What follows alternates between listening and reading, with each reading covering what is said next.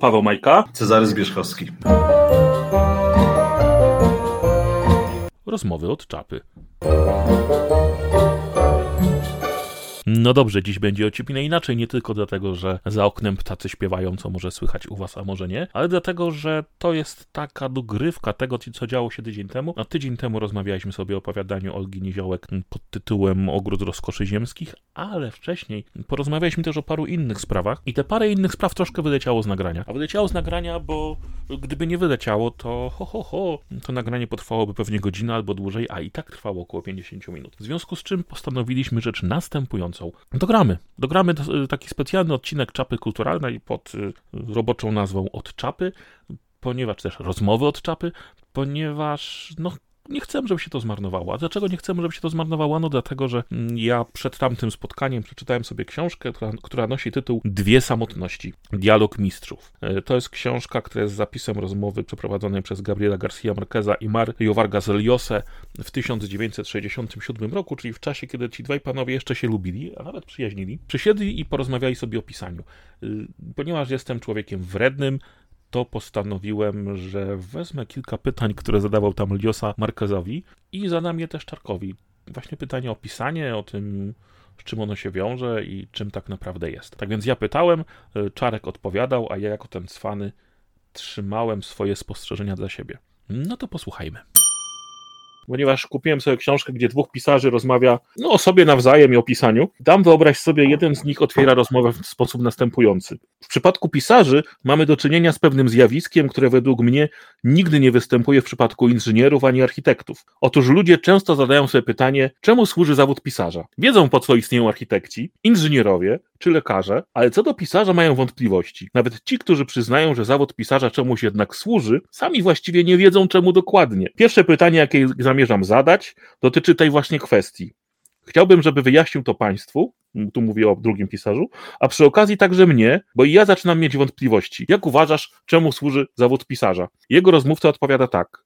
Mam wrażenie, że zostałem pisarzem wtedy, gdy zdałem sobie sprawę, że do żadnego innego zawodu się nie nadaje. I potem jeszcze jest taki krótki cytat, gdzie pierwszy pisarz pyta drugiego tak: Czy uważasz, że ta działalność prowadzona równolegle, chodzi o różne zawody, które wykonywał, utrudniała ci realizację powołania, czy raczej pomagała, stymulowała i dostarczała doświadczenia? Na co odpowiedź brzmi: Widzisz, ja przez długi czas sądziłem, że mi to pomaga, ale w rzeczywistości pisarzowi wszystko utrudnia pisanie, każda praca zarobkowa. Kiedy chcesz wyłącznie zostać pisarzem, więc wszystko inne ci zawadza, sprawia ci przykrość, że musisz coś robić, coś zupełnie innego. Nie zgadzam się z tym, co mówiono kiedyś, że pisarz musi cierpieć głód i nędzę, by stać się wielki. Naprawdę uważam, że pisarz pisze o wiele lepiej, jeśli jest wolny od kłopotów domowych czy finansowych, a im lepszym zdrowiem cieszą się on sam, jego żona i dzieci, nawet w tych skromnych warunkach, jakich my pisarze tworzymy, tym lepiej będzie pisał. To nieprawda, że kiepskie warunki finansowe pomagają, bo pisarz wówczas tylko by pisał. Najlepszy do pisania jest brak jakichkolwiek problemów.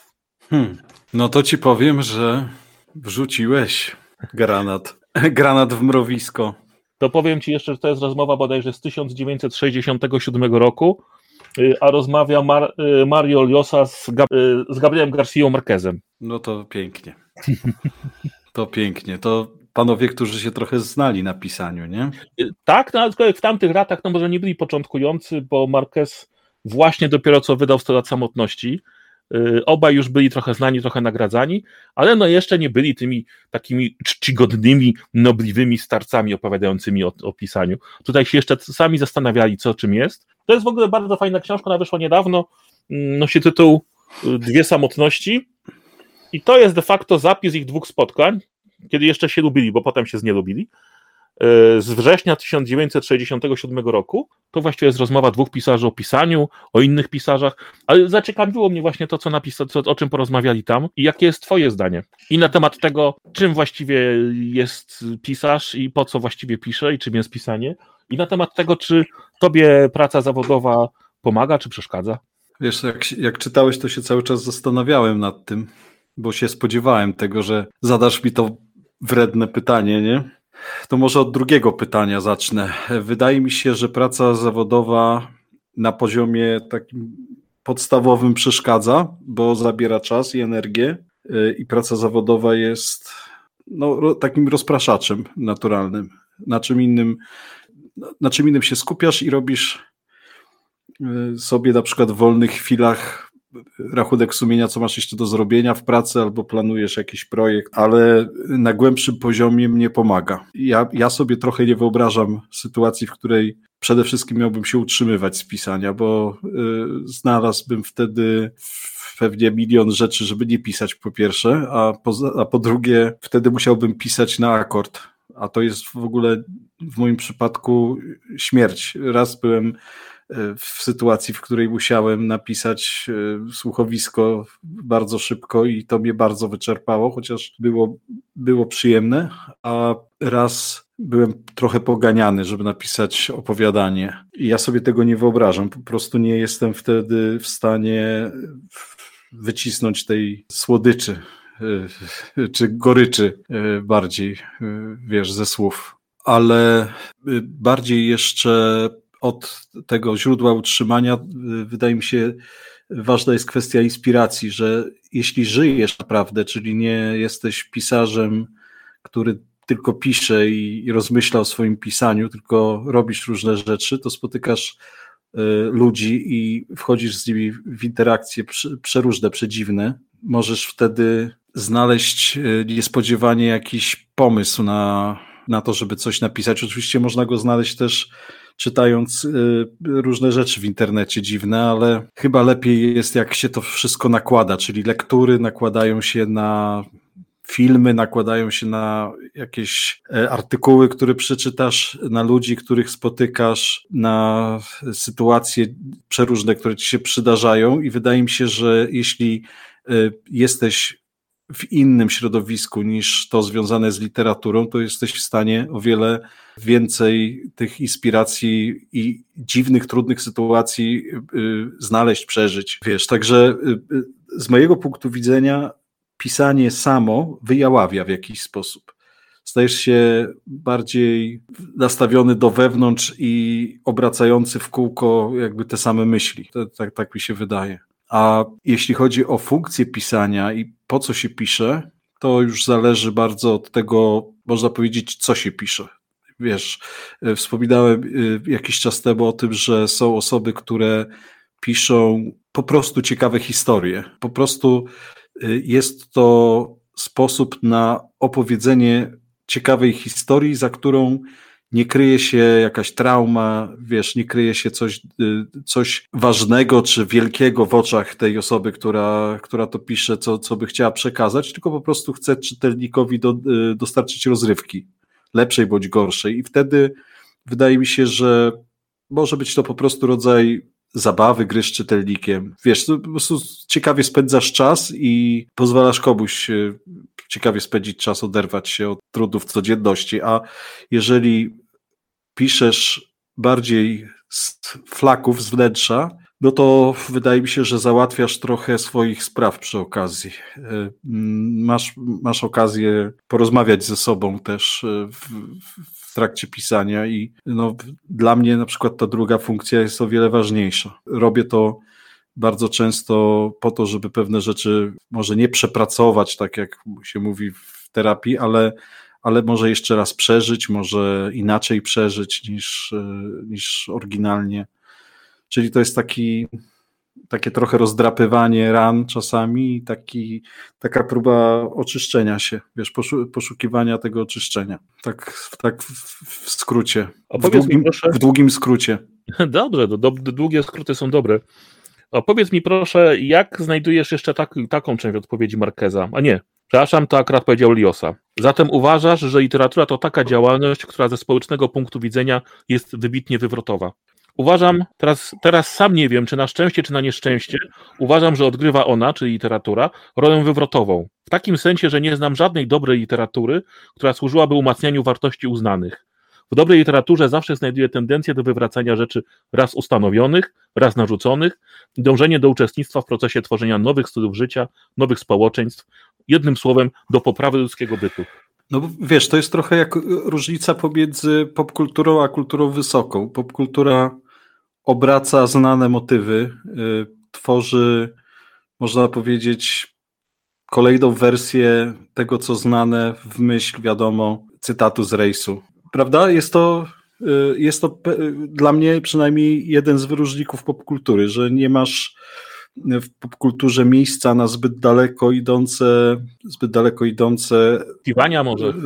Poszukiwania i Jest. doświadczenia, eksperymenty, tak? Nie masz w popkulturze miejsca na zbyt daleko idące eksperymenty, bo to oczywiście nie zbierze zbyt dużej publiczności, y, a popkultura, jak wiadomo, jest sposobem, no jakby nie było na dostarczanie masowej rozrywki i, i zarabianie dużych pieniędzy, więc w związku z tym jesteś ograniczony i musisz iść w pewnym sensie zgodnie z, płynąć zgodnie z nurtem, a jeśli już są tam jakieś treści wywrotowe, to takie wywrotowe w sposób oswojony. Masz po prostu taką delikatną przyjemność delikatnego naruszania ładu, nie? Także ponaruszasz sobie ten ład, a potem wkładasz kapcie i jest wszystko w porządku. A jeśli chodzi o literaturę z ambicjami, która może być jakoś tam zatrącać o popkulturę, ale już taką, no właśnie, popkulturę poszukującą, y, bardziej i y, no i ogólnie rzecz biorąc, jeśli chodzi o y, ambitne utwory, które mogą udawać utwory gatunkowe, ale tak naprawdę są gdzieś na pograniczu różnych, e, na przykład e, e, różnych nurtów, no to tam już bardziej idziesz na całość. Już nie dbasz o to, że czytelnik czy, czy widz, czy odbiorca tej, tej twórczości musi koniecznie czuć się dopieszczony. Możesz go wystawić do wiatru, możesz mu zrobić krzywdę w pewnym sensie. I wiesz, y, z tych y, utworów, które omawialiśmy do tej pory, to najbardziej, mm, moim zdaniem, utwór Cerana taki był, że po prostu nie liczył się kompletnie, y,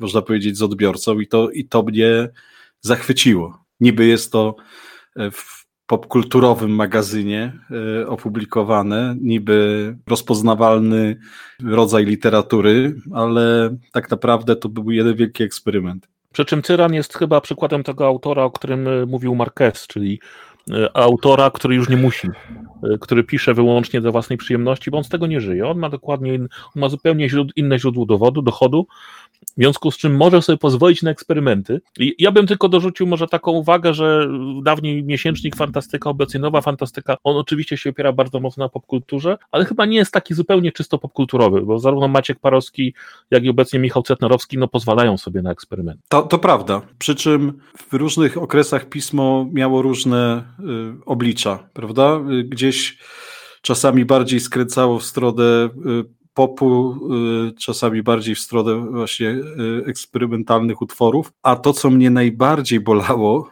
y, zwykle, to to, że w środku można było znaleźć prawdziwe perełki, ale okładka była po prostu wołała pomstę do nieba. Że ja miałem taki moment, pamiętam, że jakąś okładkę nowej fantastyki, to po prostu zaginałem tak, żeby nie było widać, co czytam, bo aż mi było wstyd trochę. Muszę przyznać, no sam ze wstydem, że tak do ulubionej gazety podchodziłem, ale no tak było, bo no ze wszystkim się kojarzyła ta okładka, ale nie z tym, że czytam coś mądrego. I to oczywiście taki neurotyczny objaw, bo powinienem mieć gdzieś, co myślą ludzie w pociągu czy, czy w tramwaju. Natomiast to, co też było charakterystyczne, to to, że nawet jeżeli czytałeś takiego Cyrana, czy, czy, czy cokolwiek innego na bardzo wysokim poziomie literackim, czy, czy w ogóle intelektualnym, to obok miałeś czasami jakieś wypociny. No, I to, to, to właśnie ta, ta nierówność też, to, to, to być może spowodowane tym, żeby trafić do różnych czytelników, żeby choćby zwróciło się wydanie tej, tej gazety, powodowało też, że no niestety nie, nie można było równo cały czas na wysokim poziomie lecieć. Ale wiesz co, jeszcze mi się przypomniało coś w związku z tym. I tutaj narażę się Marcinowi Zwierzchowskiemu, bo jak Marcin y,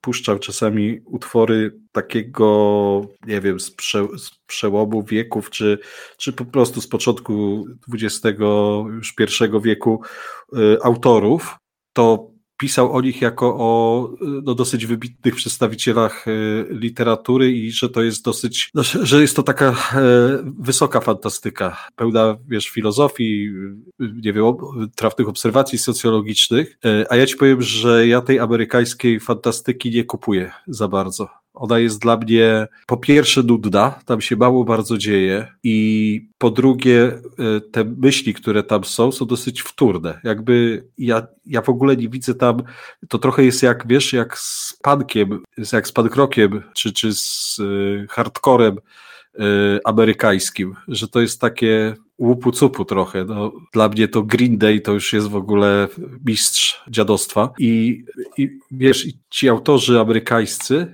nie chcę wymieniać nazwisk, żebyś się nie pogrążyć całkowicie i żeby mnie Malak nie, nie zabił, ale, ale ci niektórzy autorzy amerykańscy y, dokładnie to robili dla mnie, czyli jakieś odsmażane kotlety, wiesz, które by to na swoim podwórku to byśmy zlekceważyli, wiesz, e, jako coś grafobańskiego, to, to, to, to oni tam jako, wiesz, genialne, genialną literaturę puszczali. To taki trend, który na pewno wytniemy, nie?